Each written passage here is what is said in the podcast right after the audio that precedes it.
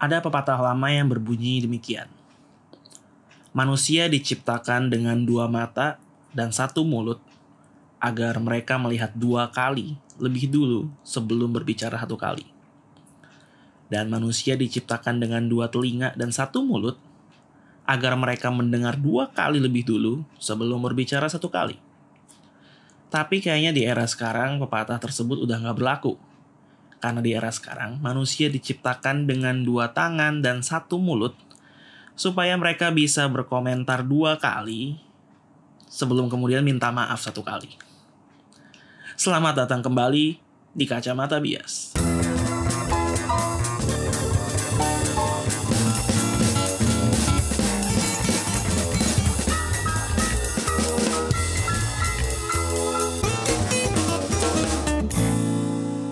Beberapa hari terakhir ini dunia sosial media digemparkan oleh kasus Audrey. Seorang siswi SMP, kalau gue nggak salah, yang mendapatkan penganiayaan dan pengeroyokan dari beberapa siswa SMA. Sorry, siswi SMA.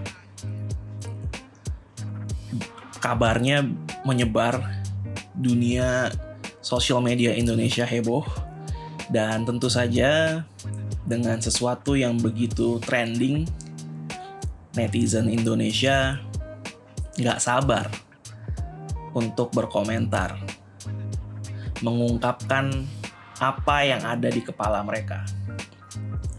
Reaksi awalnya tentu saja melakukan serangan kepada para pelaku yang mungkin udah menjurus ke bullying juga ya.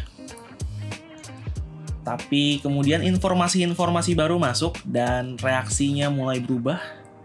Ada yang berbalik menyerang Audrey, yang tadinya memposisikan Audrey sebagai korban, sekarang memposisikan Audrey sebagai orang yang juga bersalah. Ada orang yang tadinya mencaci maki sang pelaku, mencaci maki para pelaku, kini berbalik memberikan simpati untuk para pelaku. Dan masih banyak reaksi-reaksi lainnya gue sebagai netizen Indonesia, gue terkadang juga memiliki rasa greget yang sama. Ketika gue menemui suatu berita yang lagi hot banget, gue kadang gatel juga sih ingin mengungkapkan apa yang gue pikirkan tentang hal tersebut. Dan gue rasa itu merupakan suatu hal yang wajar. Setiap orang ingin didengar pendapatnya. Tapi untuk kasus Audrey ini, nggak sekalipun gue mengeluarkan komentar. Dari awal gue tahu kasus ini beberapa hari yang lalu sampai detik ini gue bikin podcast ini, gue nggak mengeluarkan komentar satupun. Di Twitter gue at schoolhuang enggak, di Instagram gue enggak, di Facebook gue juga enggak. Gue nggak nge-tweet, gue nggak bikin story, gue nggak bikin status. Kenapa? Padahal gue bilang ya kadang gue gatel juga ingin mengeluarkan apa yang gue pikirkan.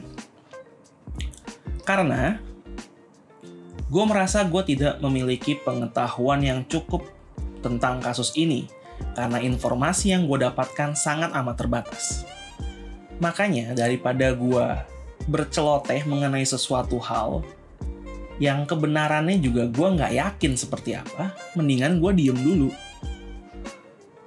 mendingan gue mendengar dulu, melihat dulu, mencermati dan cross check lebih dahulu sebelum gue mengutarakan apa yang benar-benar menjadi pikiran gue tentang kasus ini setelah gue setelah gue yakin kebenarannya seperti apa. Dan ini yang gue sayangkan tidak terjadi kepada sebagian besar netizen Indonesia. Gue udah bilang tadi, awalnya membuli para pelaku, sekarang berbalik memberikan empati, memberikan simpati mereka. Awalnya sangat bersimpati untuk Audrey, tagar Justice for Audrey menjadi trending. Sekarang yang menjadi trending adalah hashtag Audrey juga bersalah setelah melihat akun Facebook sang korban yang isinya cukup menimbulkan reaksi negatif dari netizen Indonesia.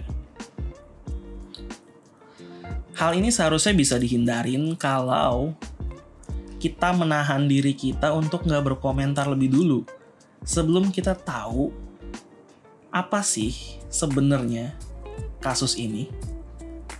Sebelum kita tahu dari semua pihak, dari korban, dari pelaku, dari polisi, kebenaran yang sebenarnya, kebenaran yang absolut. Dengan tidak yakin soal informasi yang lu dapet, tentang kebenaran informasi yang kita dapatkan, kita sebenarnya telah menjadi bagian yang menyebarkan kabar yang belum tentu benar. Bisa jadi yang kita sebarkan itu hoax. Tanpa sadar, kita ikut nyebarin hoax. Mending kalau cuma nyebarin. Kadang ada tambahan bumbu-bumbu ajakan, hasutan, hinaan, ada bumbu-bumbu itu dan itu sayangnya terjadi di kasus ini. Sayang banget.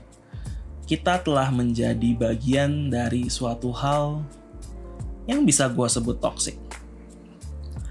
Kenapa kita nggak diem dulu, tahan diri kita, tahan ego kita untuk nggak ngetik di smartphone kita tentang hal ini.